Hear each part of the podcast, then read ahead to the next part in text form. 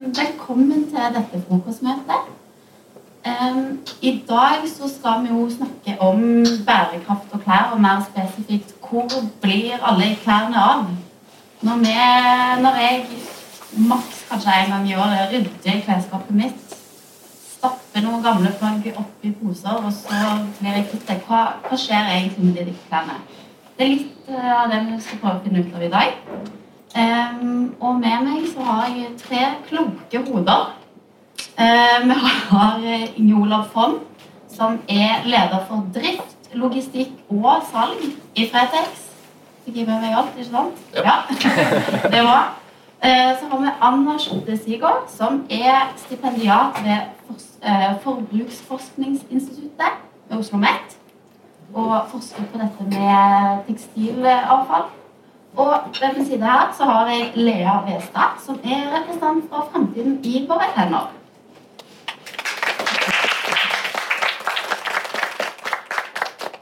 Um, og klesbransjen er jo faktisk en av de aller største klima- og miljøverstingene vi har.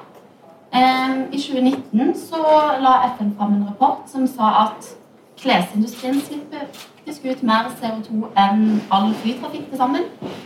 Um, og det høres jo ikke så bra ut. Men eh, kan vi ikke begynne å snakke litt om hvor Altså, hvor mye er det faktisk snakk om? Hvor mye klær er det man kvitter seg med årlig, Lea? Uh, ja, nå uh, har jeg ikke helt tall i hodet, men sånn Eh, hver nordmann tror jeg kvitter seg med ja, noe 80 kilo hver person hvert år. Nei, det kan jeg huske feil, men uansett. Eh, av det eh, som blir donert bort, så er det eh, hele 97% som eh, eksporteres ut. Så det er bare en liten del som blir værende her i i Norge. Eh, til eh, hos Fretex hos deg, Inge, eller eh, resirkuleres eller lignende. og så er det litt sånn mørketall, for noe havner jo restavfall og sånne ting òg. så Ja, men det, det, er jo ganske komplekst òg, da. Mm. hvor, hva som skjer videre. Mm. Så vi har jo ganske mye mye klær. Eh, men ja, man har jo gjerne sånn 300 klær hver av oss, og så bruker vi kanskje hvert, hvert femte, hvert femte plagg vi ikke bruker. Eh, jeg vet ikke om det er noe folk kjenner seg igjen i her, men eh, det, det blir fort sånn, det blir fort sånn, det. At, ja. Mm. Kan du Anna, fortelle litt om hvorfor har vi så sykt mye klær til overs? bare? Det er sikkert veldig mange årsaker til det, men har du noen, liksom, er det noe man kan peke på der? Det er jo, eh, som du sier, mange, eh, mange grunner til det. Eh, en grunn er jo at vi i dag bare har ganske mange penger å bruke på eh, forbruk, rett og slett. Og det, det, skal liksom gå et eller annet sted hen. Eh, vi bruker flere penger på mat, vi bruker flere penger på bolig, på møbler, på oppussing og på klær. Um, det er noe folk gjør når de kjeder seg, går på nettet og kjøper klær. Det er en fritidsaktivitet å gå på butikker. Um, og så er klesindustrien jo også bare riktig, riktig flink til å selge til oss. Um, det er jo man snakker om 16 kolleksjoner i året nå, hvor man før kanskje hadde sommer og vinter ferdig med det. liksom. så vi, vi, blir på en måte uh, stresset og, og presset til å kjøpe veldig mye. Hvor man før så eh, noe man, man syntes var fin, en fin eh, genser. Så kunne man gå og tenke over det veldig lenge. Trenger jeg denne genser? Har jeg lyst til denne genser? Har jeg råd til denne genser? Eh, spare sammen. Eh, men nå må du faktisk være veldig på ballen hvis du vil ha den genseren, for om en måned så er den borte. Så det er hele det her sånn stress og press, og at vi bare har råd til det. Simpelthen. Rett og slett. Mm, rett og slett. Ja. ja. Um, vi skal ikke snakke altfor mye om det, men um, forrige uke så hadde jo TV 2 hjelp av en sak om bl.a. dette med um, veldig veldig mange, spesielt nå under pandemien, har kjøpt veldig mye klær på netthandler. Og de avslørte da at det er ganske sånn uh, Og de reklamerer jo med at man kan sende klær i retur man ikke vil ha. Og så tar de seg liksom av det, og så får det klesplagget et nytt hjem. Men at det kanskje ikke var helt sånn. Vil, eh, du har satt deg litt mer inn i dette, Lea, enn jeg har.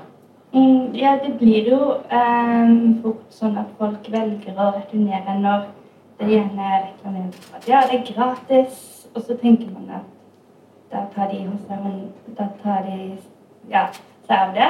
Eh, men eh, så har vi jo sett at eh, der fokuserte de jo på Solano da, i den TV 2 hjelper deg. Det, men det kan jo gjelde flere år. Men eh, det problemet er at det er veldig lite åpenhet rundt eh, hva som skjer, og sporing av klærne.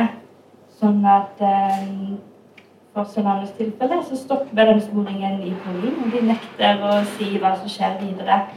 Så eh, det er et stort behov for mer åpenhet fra industrien generelt, da. Eh, for at eh, man eh, kan løse problemene lettere, Mm. Ja, men Det som er så spennende med det her, er jo faktisk at det her er et sted hvor industrien eh, er enig med oss som ønsker å eh, få det litt bedre med, med, med, klær og miljø. Fordi det er jo dyrt for industrien med alt det her retur og måtte ende med å, å, kaste de her ting. Det er jo ikke noe de faktisk har lyst til. Eh, så det er faktisk det, det, er et utrolig interessant sted hvor det vil være mye mulighet for å samarbeide. Hvor andre steder er det vanskelig om man skal be eh, en klesindustrien selge færre klær. Ikke noe de har spesielt mye lyst til, men akkurat det her det er faktisk eh, ja, stor mulighet for å få til bra samarbeid, tenker jeg. Mm. Men ja, det er jo mye klær på avvei, eller hva man skal kalle det. Og Inge, du er jo faktisk en av de som jobber med å ta imot noen av disse klærne, i hvert fall. Mm. Um, vil du bare fortelle oss litt om sånn Hvordan er den der prosessen fra at jeg har eh, våresjau i klesskapet, til at ting enten havner på en eller annen søppelfylling eller i en Fretex-butikk? Hva er liksom prosessen der? Får ikke håpe det havner på søppelfyllinga, iallfall.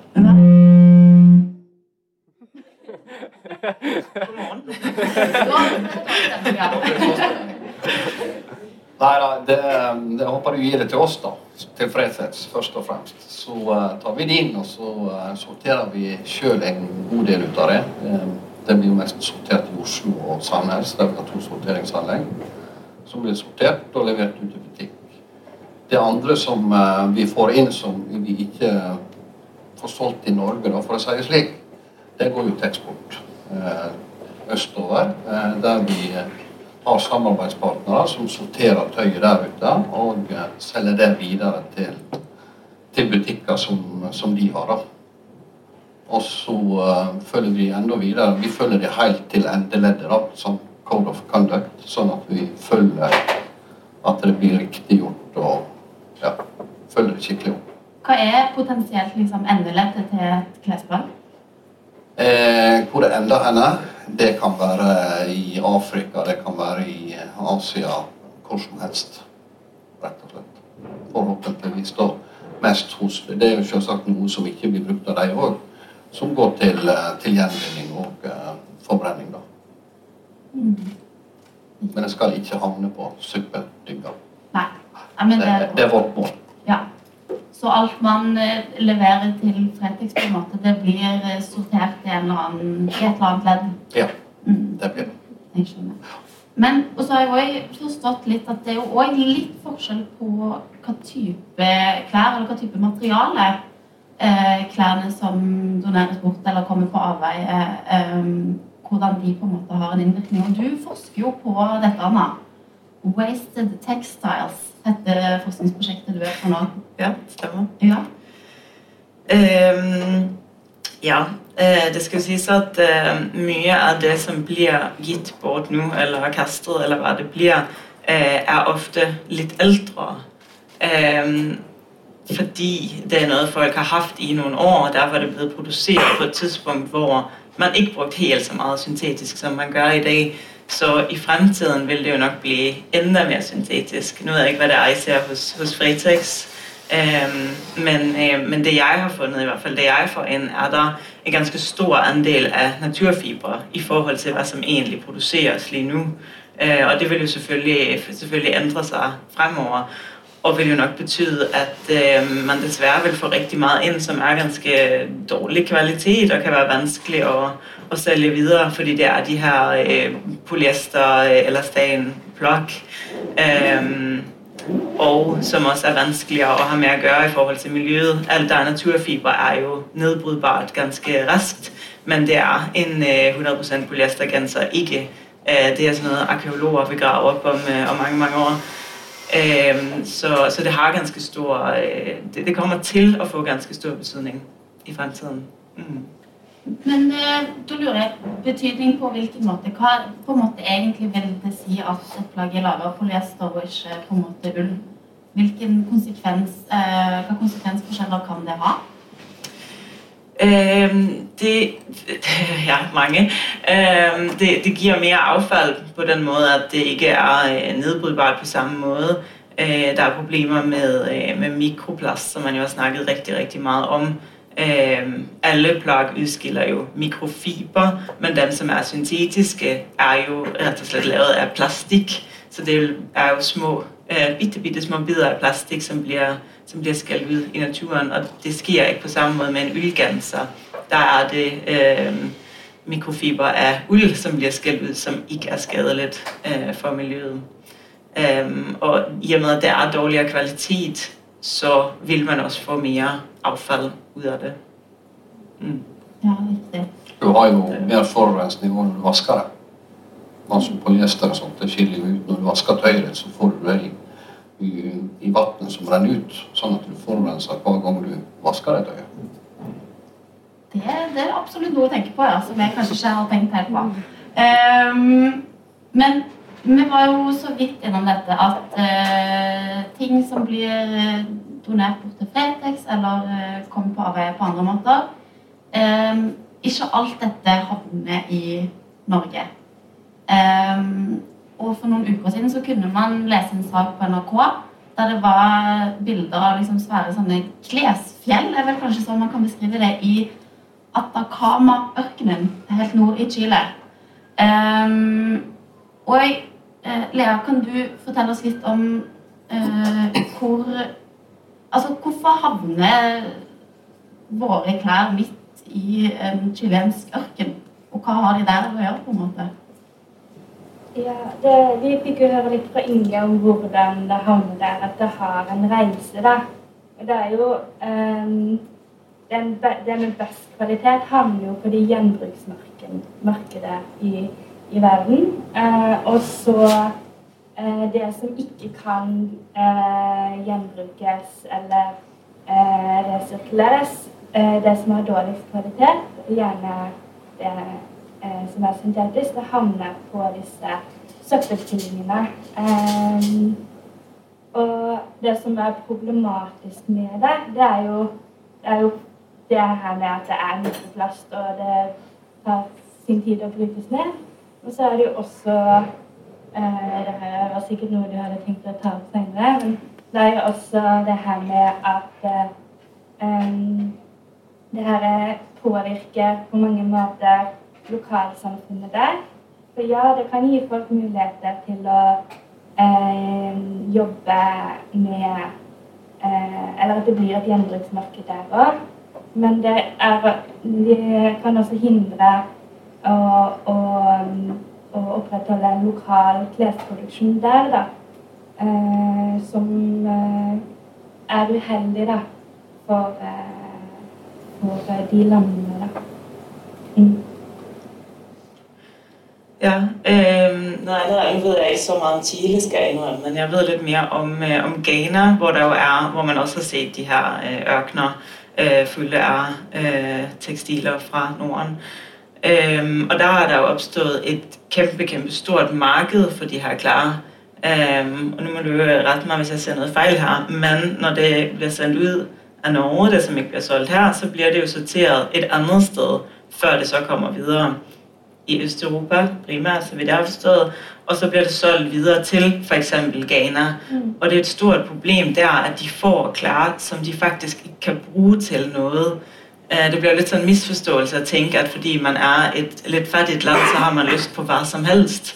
Eh, De har jo også en, en stil selv, og eh, det er et stort problem, at de får eksempel vinterklær. Ikke så veldig brukbart i Ghana.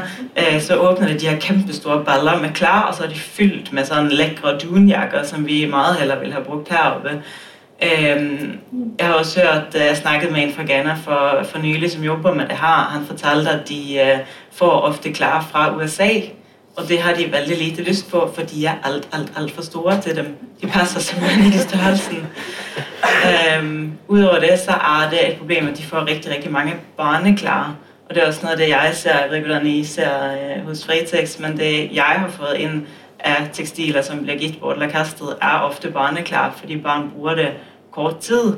Øh, og det er i ganske god stand, og så tænker man, det skal videre til noen andre, som, øh, som kan få brug for det her. Men i Ghana er der kultur for å købe nye klær til sine barn. Du kan simpelthen ikke, det, det er ikke ok at et barn får på brugte klær fra noen andre. Øh, Så det er en rent sånn kulturell ting, så de står med alle de her barneklær, som, som ingen faktisk vil, vil ha. Så det blir lidt sånn en misforståelse å tenke at de har bare lyst på alt dernede. Er det Ja. da disse klærne på en måte bare blir liksom samla opp i disse klesfjellene fordi at det er ingen som har lyst til å bruke dem? Det er ingen, som vil ha dem. Det er ikke et marked for dem. Um, og det der er marked for, der er så utrolig meget av det, at det er så billigt, så det blir en sånn bruk-kast-mentalitet. Du kan bare gå og kjøpe deg en ny t-shirt, for det er så billigt. Hvor bevisst forhold har f.eks. Fretex til disse liksom, mottakere eller endestasjonene der eh, klær på en måte havner? Bevisst Jeg ikke helt med hva du Altså, Det vi hører nå om at eh, dunjakker som blir eh, donert bort i Norge, kanskje havner i liksom, ørkenen i Ghana. um, hva, hva på en måte forhold har man til det? Eller hva ansvar kan man liksom ta for det? Ja, si det. Eh, vi prøver så godt vi kan å følge med hvor det går hen, og, og hvem som får det. Eh, at det kan bli noe som havner på feil plass, det, det skjer jo. Det er ikke til å unngå. Eh, men vi er bevisst på at vi sender det tøyet til de landene som, som vil ha den type tøy. Eh, vi sorterer jo selvsagt ikke gjennom alt det som vi har for eksport. Det gjør ikke vi. Sånn at, eh, at det kan havne ei dunjakke i en pose som havner i Ghana, det, det kan jo skje. Altså, det har ikke vi noen garanti for. Eh, men vi følger de som sorterer, får det fra oss, da, som sorterer det videre til de respektive land eller butikkene der, at de får det som de skal ha på rette plass. Jeg tenker jo at dette her er jo ikke nødvendigvis Fretex ansvar. Det handler jo like mye om at vi har et ganske overforbruk, og det forbrukerjaget som du litt snakker om. Eh, at det er litt det det handler om nå, da. Hva dere tenker om det? Jo, jeg er enig i det. Øh, Der er jo øh, for mye til at Fretex kan ta imot, siden at man, man velger å, å, å sende det ut av landet. Ja, så det handler jo klart om det. Hvis vi, altså hadde folk kjøpt mer brukt, så kunne vi ha solgt det tidobla det vi gjør. Eh, men det er ikke det som er inn i Norge å kjøpe så mye brukt. Altså, jeg håper det at det blir bedre. At folk er mer bevisst og handler brukt. For det er, det er jo enorme mengder som vi kan selge. Som er kjempeflotte tøy og fullt brukbare. Men det vil ikke folk i Norge ha, rett og slett? Nei, altså-? Folk går for lite i bruktbutikkene og handler, rett og slett. Eller så må de bruke det sånn at det blir totalt utslitt. Og så må vi være mer bevisst på hva kvalitet vi kjøper. Rett og slett. Ikke kjøpe altfor mye polyester. Men samtidig så ser man jo i landet som har veldig store bruktmarkeder. Danmark og Sverige er det jo mye større enn i Norge. Mm. At man selger samtidig like mye nytt. Så det er ikke fordi det å kjøpe brukt går i stedet for, og der vil man jo stå med, med samme problem til slutt. Ja da. Altså, alle kan ikke kjøpe brukt heller. Nei. Da blir det jo ikke noe brukt til slutt. Det er jo litt logisk, tenker jeg. Så er det jo så er det jo dessverre sånn at de fleste av klærne som produseres, er jo syntetisk, for det er det billigste.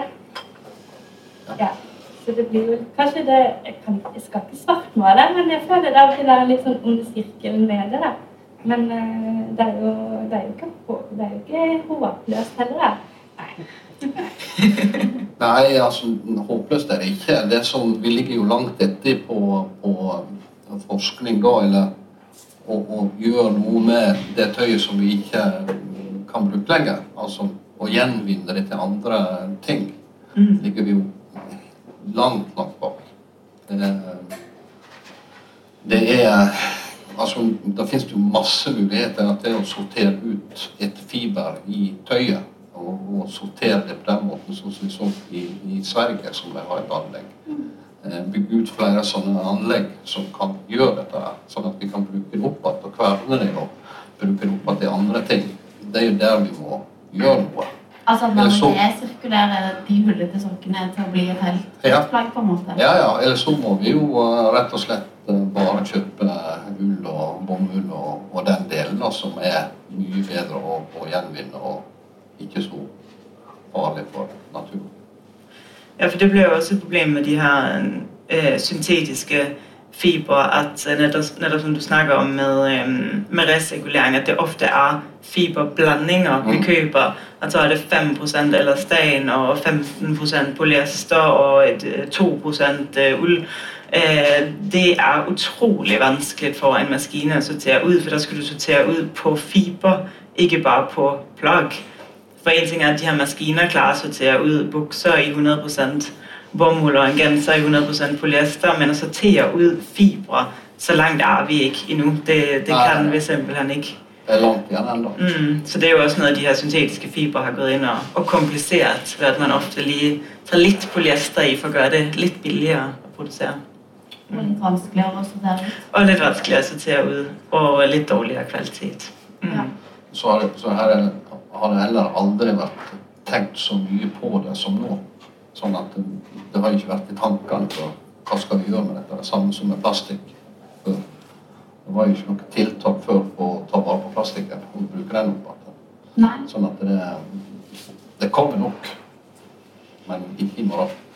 Nei, for Vi snakket jo litt der om at dette er jo faktisk et tema det har blitt ganske mye større bevissthet rundt. Ser, ser dere noe, liksom, Har dere sett noe endring de siste 15 årene i Fretex med, eh, med dette her med liksom bærekraft og klær og det å handle brukt? Det har jo økt på med brukt. Eh. Det har det jo. Eh, Det vi ser, det er jo at det gamle tøyet, altså fra 95 eller rundt da, har mye bedre kvalitet enn det tøyet som er nytt nå. til vi får inn. Det er stor forskjell på det. Rett og slett. Får vi mye inn av det, som er helt nytt? De nye Plastic Fantastic? Vi får en eh, god del, ja. Vi får en god del, ja. Ja. Mm. Mm. Det er jo fast fashion som ja, ja. billig. Fast fashion er ganske billig, ja. Det er det. Og jeg eh, har nok synda der sjøl noen ganger òg, må jeg bare innrømme. De fleste har vel det. Ja, det. Ehm, men nå har vi jo snakka eh, i hvert fall prøvd å få et lite sånn overblikksbilde over hvordan ting er i dag. ehm, hvordan det ser ut. Men jeg, og så blir det, man blir jo nesten litt småstressa sjøl her. Ehm, men jeg tenker hvis vi prøver å bare se litt, litt sånn inn i framtiden, da. Dere snakker bl.a. om at det er nesten umulig for maskinene å sortere ut plagg som har uh, ulike fibre i seg. Fins det, noe, noe insentiv eller noe håp om at man kan klare å for eksempel bygge ut teknologien som kan håndtere disse tekstilene? Anna, har du, noe, har du noen gode nyheter i oss? Eh, teknologiske nyheter er ikke det, jeg er størst på. Altså, det er jo riktig, riktig mange, som jobber med det her, eh, som vi snakker om i, i Sverige og, og, andre steder jobber de med de her gigantiske maskiner. Men eh, som ingen sier, så er det jo ikke noe der skjer i morgen, og vi står med problemet ikke i morgen, men i går, faktisk. Um, så, så, jeg vil ikke være den som sitter og gir liksom, teknologisk optimisme her. Det er ikke der vi skal fikse det lige nå, i hvert fall. Mm. Men um, på hvilket liksom, nivå kan vi på en måte jobbe med dette på? Altså Er det liksom er det jeg som forbruker? Er det klesindustrien? Kan politikerne liksom gjøre noe? Hvem, hvem har ansvaret her, Lea? Eh, det er i hvert fall ikke oss forbrukere ene alene. Det må nok eh, en del politiske initiativer til. Eh, det er jo ting som skjer allerede nå. nå som EU har jo et krav for alle medlemsland, eller også oss, at vi skal ha eller eh, kunne gjenvinne tekstilvær eller alene. Um, men som var tiltak, som konkrete tiltak, er jo f.eks. at man kan ha eh, en levetidsmerking som, som gjør produsentene ansvarlige for at hvis det står fem år, så skal Eh, det plagget eller de skoene være eh, levedyktige, hvis man kan si det om klær, eh, i løpet av de fem årene og ha samme garanti. eller, ja. og så er det jo også at man kanskje kan begynne å tenke på kan vi ha en miljøavgift på klær som gjør at det blir fokusert på at det unngår for mye plast i klær eh, sånne ting. Eh, og så sånn for at det skal være enklere for, for oss som forbrukere å f.eks. reparere klær, så er det jo eh, det er jo, Jeg syns jo det er litt meningsløst at det er moms på reparasjon. Så da kan vi jo kanskje også kutte ut. Det er ganske mye ting som kan gjøres, da. Og at det blir større produsentansvar. Um, det ser jo litt mer av i andre land i Europa. Eh, Frankrike har jo eh, kommet litt lenger, f.eks. Eh, der har de et eget sånt selskap eller lignende som heter Refashion, som er en, av, en slags medlemsorganisasjon for produsenter. Som da, hvor de produsentene selv har ansvar for å spore klær og sørge for at det blir eh, At ting skjer riktig, da. Ja. Det, det, er mye mer, men dere kan sikkert hoppe inn hvis dere ja. det, er jo, altså, det er jo alle sitt ansvar uansett. Eh, men det er noe som heter regjering og politikere som må ta noen standpunkt og si at sånn vil vi ha det. Eh, før den tid så ikke så mye gjort, tror ikke jeg. For det har ikke de gjort eh, per Nei, per dato så har ikke de eh, gjort så mye. Eh, det har ikke de. Det ligger noen forslag nå eh, inne da som Ja, kom jo akkurat forrige uke. Ja, så mm. vi eh, håper det skjer noe. Eh, og så er det jo produsentansvaret som må ta ansvar og også produsere kvalitet. Mm. Og ikke bare få det fort igjennom og ut i butikkene og selge det billig. Eh, for det er, jo en, eh, det er jo en enorm overproduksjon av klær. Det, det kommer ikke unna. Sånn at uh, produserer det mer kvalitet, heller har det litt dyrere, da, så varer det lenger. Rett og slett. Mm. Og så må vi som kjøper klær, være mer bevisst på hva vi handler. Så det, det er oss alle. Mm. Og Anna, du som jobber med liksom, dette med tekstiler og um, Kan man liksom se noe antydning til at ja, Det er jo kjempevillig å produsere med liksom, sånne oljebaserte materialer. Um, men det er jo ikke bra for hoden vår. Ser man noe liksom, taktskifte i, i klesindustrien? Uh, skifte? Nei. Øh, øh, fremgang mot mere brug av spesielt polyester. Øh, ja, riktig, riktig, riktig meget mere. Polyester er jo den øh, altså by far mest produserte fiber i verden. Så det er bare mer og mer og mer og mer polyester. Um, og der tænker jeg at en ting man Selvfølgelig er det opp til politikere og, og, produsenter i siste ende, men det er jo også fint som forbruker å være eh, skeptisk til det her. Eh, fordi eh, industrien i høy grad har fått lov til å, å definere hva bærekraft er for klar. Fordi politikerne ikke har gjort det, så stepper industrien så snilt inn og sier at da, da gjør vi det. Og for dem der definerer de polyester som bærekraftig. Polyester er mange steder definert som bærekraftigt. Når H&M akkurat er kommet ut med en ny Sustainable Collection, der er alt 100% polyester. Og der kan man godt som forbruger gå inn og være skeptisk til det. Være skeptisk til, når jeg hører, at noe er bærekraftig, for det er det højst sannsynlig ikke. Det her med resirkulert polyester, heller ikke bærekraftig. Det er ikke laget av gamle klær, det er laget av gamle plastflasker. Og plastflasker skal ikke bli til klær.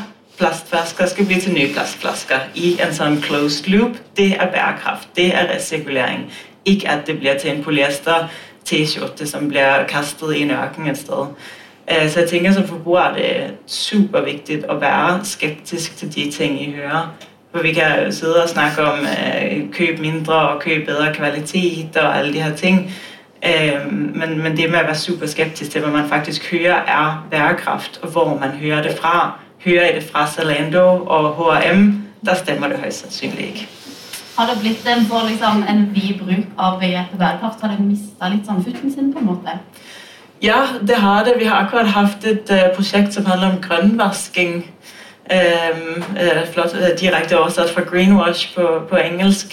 Um, fordi det nettopp er blevet en sånn ting alle kan gå ut og si øh, at noe er grønt. Og fordi så mange sier det nå, så tror forbrugere faktisk ikke riktig på det lenger. Øh, og det er jo på den ene side veldig fint at folk er skeptiske, men på den andre side trist at det bare er blevet sådan et begrep man slenger rundt. Ja. Mm. Men hvordan er dere i fremtiden i våre hender har jo mange liksom, insentiver til å jobbe med dette med bærekraft og klesforbruk, på en måte. Um, har dere noen gode, konkrete uh, råd til oss som er litt grønne på dette feltet? Altså, hvordan skal man uh, ja, man uh, hvordan, Hvis jeg ser en HM-plakatene og Her er det resirkulerte klesplagg. Det må jo være kjempebra. Hvordan skal jeg klare å skjønne at nei, kanskje jeg ikke skal ha den T-skjorten likevel? Ja, det er jo litt vanskelig. Jeg syns jo det er lett å bli litt forvirret uh, selv. Uh, men uh, ja, av og til så kanskje tar en titt på denne her lille lappen inni, inni genseren for å se på, på uh, hvilke stoffer det er. Um, men sånn Jeg tenker jo også at det I hvert fall hva jeg gjør selv når jeg er på butikk, så er det kanskje at jeg heller spør trenger jeg egentlig den jakken.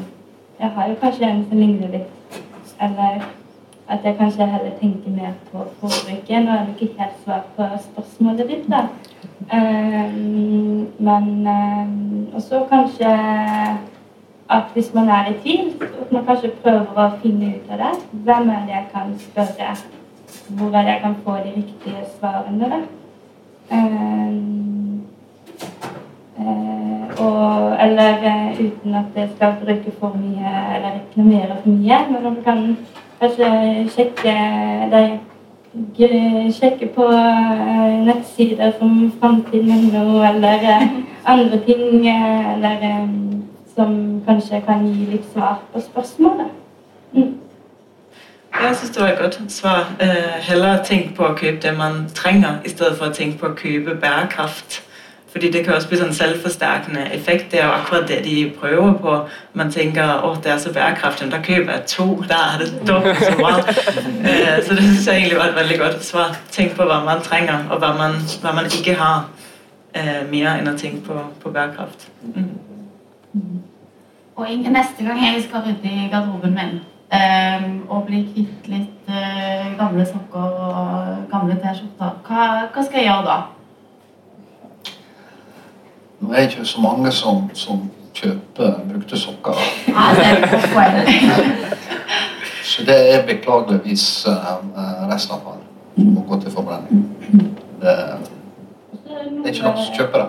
Noen gamle piller kan jo bli til vaskekluter, og det skjer jo også. Ja. Ja, vi, altså, vi har jo samarbeid med en produsent av eh, pussefiller. Så vi har jo noe som heter Fretex pussefill, som vi selger mye. Og det er jo oppklipt eh, bomullslaken og, og eh, av ull, da. Som det klipper opp, og så eh, selger vi det som pussefilm. Det Da er ikke så godt med polyester. Det pusser ikke så veldig Nei, det, det har en dårlig effekt. Ja, dårlig effekt som fille. Mm. Så det må være rent. Skjønner. Men vi har jo på en måte blitt litt enige om at vi har jo et lite sånn overforbruksproblem. Ehm, og at da havner jo mange av klærne litt på avveie. Men eh, vi kan allikevel kanskje ha et lite håp om at vi kan alle bli litt mer bevisste på dette. Og rett og slett eh, kjøpe mindre nytt, kjøpe kun det man trenger, og, og å handle brukt her i Norge. Mm. Mm. Det er litt løsningen, eller Ja, da, en del av løsningen. Og det politikere og næringsliv stepper litt mer inn der. Nei, og det blir jo eh, Klarer vi å, åpne flere bruktbutikker og sånne ting, så får vi jo mer arbeidsplasser i Norge. Det er jo kanskje litt kjekt å ha. Det høres jo ut som en vinn-vinn-situasjon, det der, egentlig. Ja, men det er fint. Um, jeg lurer jo på om kanskje noen eh, ute i salen her har noen spørsmål òg.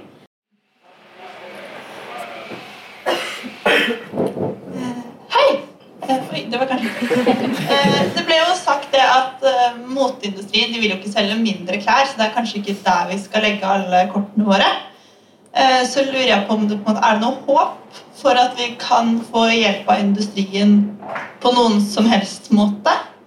Eller er dette med bærekraftige klær utelukkende noe de sier for å selge mer? Er det, på en måte, er det noe som helst hold i det? Eller skal vi egentlig på en måte bare si at det, det er bare noe de sier, og sånn er det dessverre? Veldig godt spørsmål. Um, man kan jo i hvert fall starte med en, um, en omdefinisjon av hva som er bærekraft, og også flytte øh, ansvaret for å definere hva bærekraft forklarer, er, øh, bort fra industrien. Det er i hvert fall en veldig, veldig god start at, øh, at, at polyester ikke blir merket som det aller mest bærekraftige vi har. Men at, øh, at man får, øh, får naturfibrene mer frem.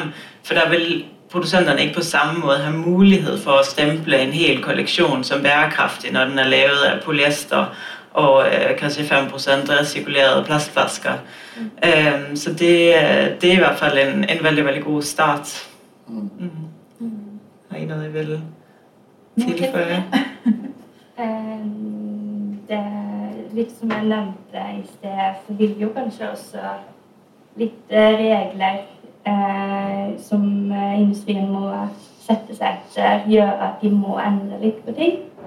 Eh, og hvis det kommer på plass, så eh, eksempel hvis det kommer en miljøavgift på tvers, så vil det jo lønne seg å produsere tekstiler av god kvalitet. Eh, Jeg satset større på lokalproduksjon. Måske også i Norge er man utrolig flinke på ullfronten øh, til, å produsere, øh, til å produsere lokalt. Øhm, og der er det noe man har litt mer Altså, norske, det norske regelverk eh, vil ikke kunne gjøre så mye i forhold til produsenter som eh, Shein, øh, hva de holder på med i Kina, kan vi ikke gjøre så mye med herfra. Men vår lokalproduksjon her kan vi støtte opp om fra politisk side. Ja. Mm. Og lokalproduksjon er det vi produserer sjøl av tekstiler. Sånn. Mm. Ja, det vi produserer her i landet. Ja, Mm. skjønner jeg. Ja, eh, jeg hadde også jeg hadde faktisk et spørsmål selv.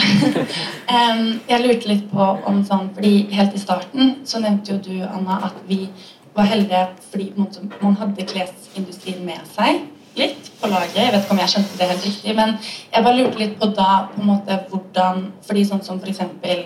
Shein, eh, som har drevet med ja, ultra fast fashion og på en måte lager tusen nye typer modeller og design hver dag, om på en måte du da mente at er de også med på laget, eller Fordi jeg har på en måte sett for meg at de tjener på at folk sender tilbake fordi de på en måte produserer så mye, men er de også interessert i å slutte å få folk eller noe sånt? Ja, jeg skjønner ikke hvordan de kan være med på det.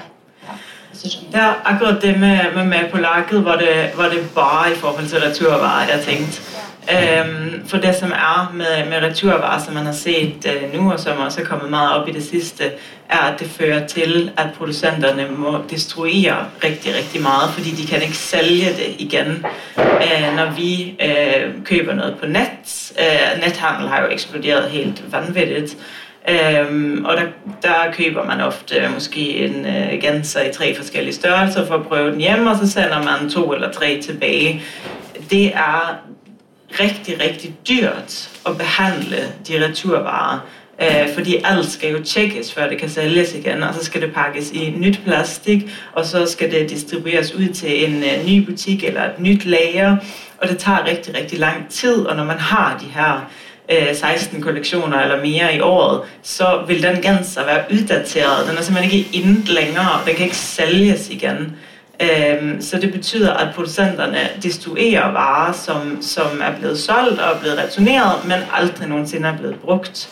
Øh, Og det er der jo ingen der har noen interesse av å produsere og bruke penger på å produsere og bruke penger på å sende ut, for så bare å destruere det. Fordi de må jo øh, ha gratis retur, og de må gi folk pengene tilbake. Så det er ikke noe de selger, eller noe de tjener noe på å selge de her ting som blir returnert. Så på akkurat den front, der, der er vi på lag. eller burde i hvert fall være det. Jeg tror det er Koss som er det er under HM. Eh, De tror jeg startet med sånn archive-side for jentene. For det er på en måte en løsning som flere kan adoptere det. At folk kan selge returnerte. Det vil jo være det for noen. Det vil jo være de aller sånn, øh, fineste ting på en måte der havner der. Det er, ikke, det er ikke alt der kan selges der, men det er jo helt sikkert en fin ting å begynne på. Mm. Det er det vel flere der har gjort. Også Ganni har vel også et eller annet. øh, Ja. Mm. Så det er helt sikkert en fin ting. Um, Jeg lurte på dette med eksport. Er det De klærne som vi sender ut av Norge, sender vi de ut fordi at det er et stort behov, fordi at folk ikke kan klare seg uten de klærne, eller er det mest fordi at vi skal kunne ha god samvittighet for det store forbruket vi har?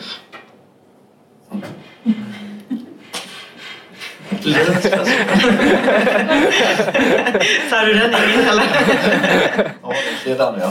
Uh, nei, vi sender ikke ut fordi at vi skal ha god samvittighet. Uh, det gjør ikke vi. Vi sender ut fordi at uh, det er folk som har behov for det. Vi viser det vi selger der ute. Eh, så det er fordi at vi, det er behov for det, rett og slett. Og vi må sende så mye ut fordi at vi får ikke solgt de her. Da er alternativet Så det er litt blandet da, kanskje? Fordi Ja, vi får jo en god samvittighet fordi at vi sender ut til folk som har behov for det. Eh, Det gjør vi. Jeg tror Hvis man snakker om forbrukerne, eller dem som donerer til Fretex, det er jo nok en del sånn god samvittighet øh, bakt inn i det. Det er i hvert fall noe jeg hører meget fra, fra folk jeg intervjuer. At så lenge jeg giver det til Fretex, om da kommer det et sted hen, der, der, der blir det bra. Eh, så jeg tror fra den siden er det nok eh, en del sånn ja, god samvittigheds, øh, ja, skabelse i Ja, det. men det håper jeg de har. Ja. Ja, ja. Mm. Fordi at det vi får inn, det vi bidrar til, til sosialtjenesten her i Norge med 20, eh, 21 millioner. Mm. Som går til suppesopp og frelse til folk som har behov for det. Så Mm. det er jo en god ting, da. Ja, men jeg håper ikke de har så god samvittighet at de går ut og kjøper noe nytt, fordi så lenge jeg bare gir det til Fretex, så går det godt. Nei. Dette spørsmålet. Eh, det er kanskje litt på siden av det dere egentlig snakker mest om, men dere starter å snakke om klimautslipp og knyttet til klær. Jeg så lurte på Hvor mye vet dere konkret om i et klesplaggs eh, liv fra produksjon til eh, ja, potensielt en, et eh, klesfjell? Um, hvor er størst del av klimautslipp, altså ikke miljøskader, men klimautslipp i kles, klesplaggets liv? Er det i produksjon av materialer? Er det i um, eh, forsøk på å få det bort? eller transport? og litt sånne ting? Mm, Så vidt jeg vet, um, så er det i produksjonen, ja. Uh, det vil jo selvsagt være i transport òg, men uh, uh, uten å være 100 sikker, så er det mest i produksjonen. Og det er jo ikke bare CO2-utslipp, det jo, kreves jo utrolig mye vann. F.eks. bare å produsere den jeansen du har på deg, så tar det 7500 liter med vann. Og det er sånne ting som kanskje altså Jeg sier ikke at man skal tenke det hver gang man kjøper en bukse. Oi, der gikk det 7500 liter vann. Men det, hvis man har det i bakhodet, så kanskje man er litt mer bevisst. da. Mm. Kan man tilføye der? Nei, det, er- ja, det er et vanskelig, veldig vanskelig spørsmål. Eh, ja, nei, eh, jeg er enig i produksjonen. Ja, Mm. men eh, det kan sikkert hjelpe deg å finne ut av det, men jeg har ikke det sånn i toppen akkurat nå. Men er det noe man har forskning og kunnskap om? Det her med hvor store utslipp det faktisk er, og hvor utslippene ligger? Ja, men jeg føler det kanskje av og til er litt vanskelig å spore. Jeg vet ikke hva tenker. Jo, det er jo veldig vanskelig. Det er derfor det er et, eh, et vanskelig spørsmål. Det er vanskelig å få eh, oversikt over eh, hvor det stammer fra, eller hvor det er eh, verst. Og så er det jo også komplisert å, å, å, liksom, å si det på den måten, fordi et plagg må jo gå fra hele veien fra produksjon til det skal eh, destrueres. Eh, så man må liksom se det hele i, i ett. Og så kan det også være forskjell på eh, hva det er lavet av. Det krever klart mye å, å, å destruere eh, Nå snakker jeg veldig mye om syntetiske plagg, men det er jo faktisk det jeg forsker på. At det krever veldig mye mer enn eh, bomulls- og, og ullplagg. Så det vil også være forskjellig liksom, hvor mye som, som kreves i hver fase, alt etter hva det er. Ja. Vi har, ja. Eh, hei, uh, dere var jo litt inne på det. Jeg ville bare spørre dere om hva dere tenker om den eh, enorme, det enorme ansvaret som er gitt til forbrukeren uh, i klesindustrien. det er fryktelig mye vekt på at forbrukeren må resirkulere, forbrukeren må tenke på hva de handler. Men så er det jo begrenset hva en forbruker kan gjøre i dette svære internasjonale systemet med svære supply chains over hele verden. Um, for meg så føles det litt som om vi gir masse folk en dårlig samvittighet, og så gir vi myndighetene en sovepute så de kan komme unna. Eh, slippe å tenke så mye på å gjøre ting, for det er vi som må gjøre ting. Hvordan kommer vi egentlig dette til livs når supply-kjedene er så store på tvers av verden? Så du sier, altså, Det er jo mye fint vi kan gjøre i Norge med ull, men det hjelper veldig lite med polyesterkjedene som begynner et eller annet sted og ender opp et helt annet sted på kloden. Så mm, bare for å være kjempepositiv, så lurte jeg på om dere kunne snakke litt eh, om det. Først så syns jeg jo at vi forbrukere ikke skal mm, eh, Vi bør ikke føle som veldig på skam. For det er jo ikke bare vårt ansvar. Eh, Så, så skam er ikke en fin ting å kjenne på uansett. Det syns jeg i hvert fall. Eh, Og så tenker jeg jo at um, det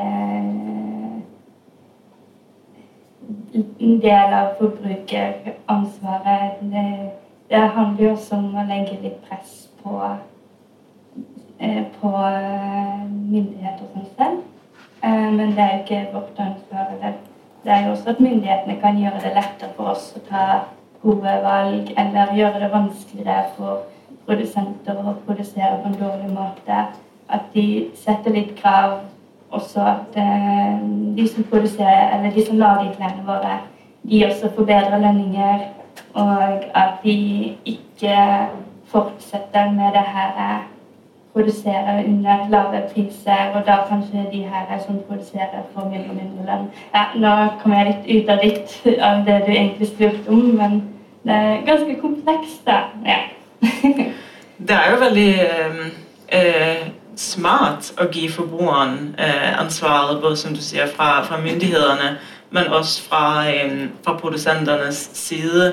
Eh, spesielt nå som vi har en generasjon som er eh, Eller i hvert fall har veldig lyst til å være bærekraftig og tenke på miljø.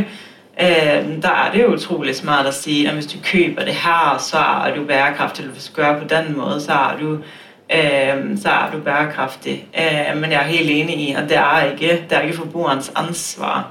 Uansett hvor eh, lite klær man kan kjøpe, eller kjøpe de riktige ting, eller gå på klesbyttemarkedet eller gjøre alle de her ting, så er det ikke gå på Fretex, ikke minst, eh, så er det ikke så er det jo ikke forbrukerens ansvar. Da er det ting som du snakker om, som må til. Eh, og det kan også være, nå har vi snakket om returvarer før, f.eks. å forby destruksjon av usolgte varer. Veldig enkelt eh, grep, eh, for da blir produsentene presset til på en eller annen måte å finne ut av hva de skal gjøre med de her, de her klær. Måske skal de faktisk produsere mindre, færre kolleksjoner, fordi så er det større sannsynlighet for at de får solgt det de faktisk har. Eh, så det er sånne ting som må til i stedet for. Og så tenker jeg at utsolgt, det tenker jeg av og til kan være fint. da. Hvis ting er utsolgt, så kanskje det betyr at da begynner det å nærme seg en eh, produksjon som kanskje er litt bedre. Jeg vet ikke. Ja. Kan man kanskje sammenligne litt med bilindustrien? ja det er Der er det jo kommet ganske klare ting på hva en skal produsere, og produsentene må produsere elektriske biler. Hvis du legger føringer at eh, produsentene skal gjøre sånn og sånn, så er det jo mye enklere. Mm. Har vi et siste spørsmål? Ja. Um, jeg skjønner jo at veldig mye Eller ikke veldig mye koker ned til, men dere har referert mye til liksom, myndighetene, og det er liksom ikke helt på dagsorden, sånn som jeg hører det, for myndighetene å ha et fokus på bærekraft når det kommer til tekstiler. Og hvis det er noe som gjør meg sykt stressa, så når folk sier sånn Myndighetene bryr seg ikke nok, det er liksom ikke interessant nok politisk. Sånn, fordi, altså, hvordan, hvordan fikser vi det? Sånn, hvorfor er det sånn? Hvorfor bryr de seg ikke? Og hva, altså, Skjønner dere hva jeg prøver å si? Sånn, hvordan får vi de som har makten til å bry seg om dette, eller til å gjøre en endring, til å bry seg? Vi legger press på, setter det på dagsordenen, har f.eks. en uke som handler om klær og bærekraft. Eh, det blir jo snakket meget, meget mye om. Eh, F.eks. NRK har jo hatt veldig stort fokus på det. Og da er det jo noe som politikerne er nødt til å deale med og ta opp. Eh, Det har vært veldig mye opp i det siste, og uh, tilfeldigvis forrige uke så fant politikerne plutselig på at det var noe de skulle gjøre noe med. Eh, Så det handler om å, legge press på fra, fra de fronter man faktisk kan, eh, som f.eks. gjort her, som var veldig flott. Men da tenker jeg at vi går ut eh, denne tirsdagen og så legger vi press på politikerne, og så holder vi oss unna polyesterplagg. Er veldig